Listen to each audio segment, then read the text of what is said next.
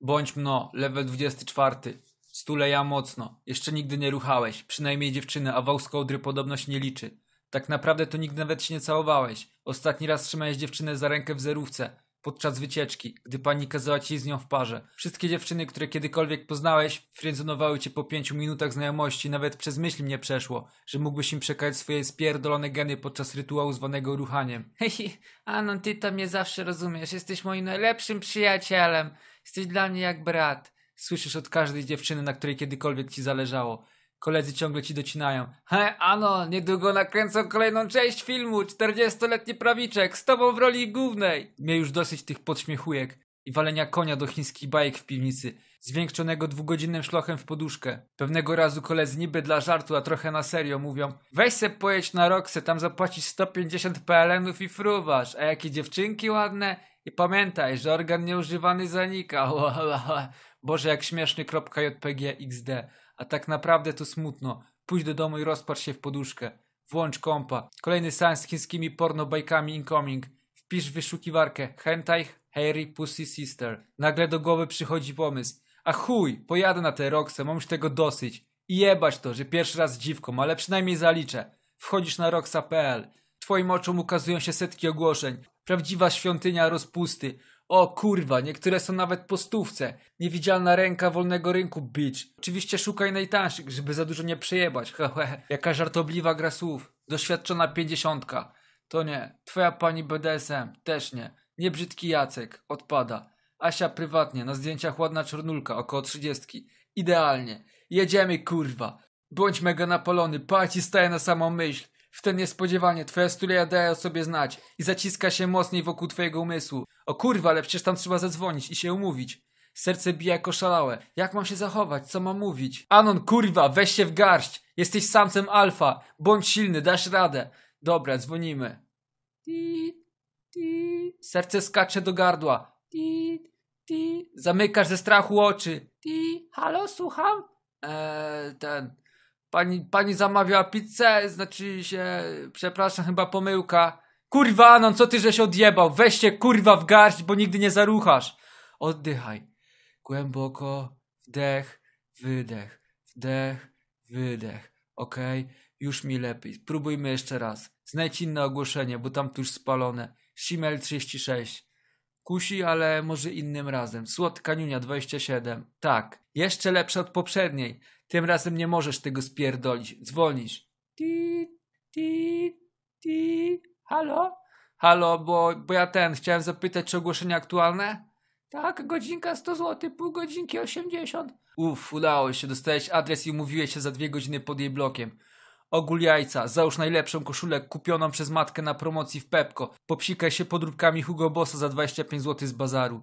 No to jedziemy zdobywać świat. Pożycz pasata od ojca.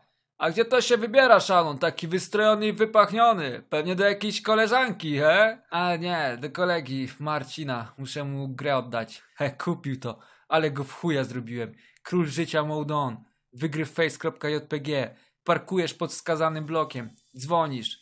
No to ja, Anon. Dobra, klatka numer 201982. Mieszkanie 198921. Wsiadasz do windy, jedziesz na 2953193 piętro. Nagle stulejka zaciska się z nienacka z niespotykaną dotąd siłą. O kurwa, zaraz się z nią zobaczę. Co robić?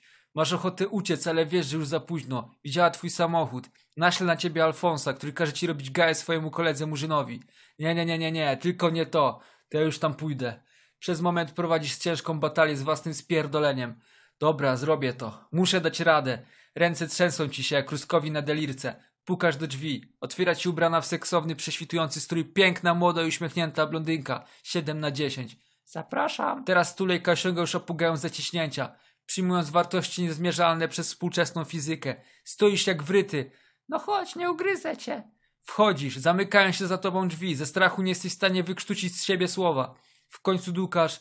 E, cześć, jestem Anon, a pani? Hihi, nie jestem żadna pani. A jak chcesz, żebym się nazywała? E, Monika. Tak miała na imię twoja pierwsza rzecz jasna niespełniona miłość, która chyba nawet nie wiedziała o twoim istnieniu. No dobra, to będę dla ciebie Monika.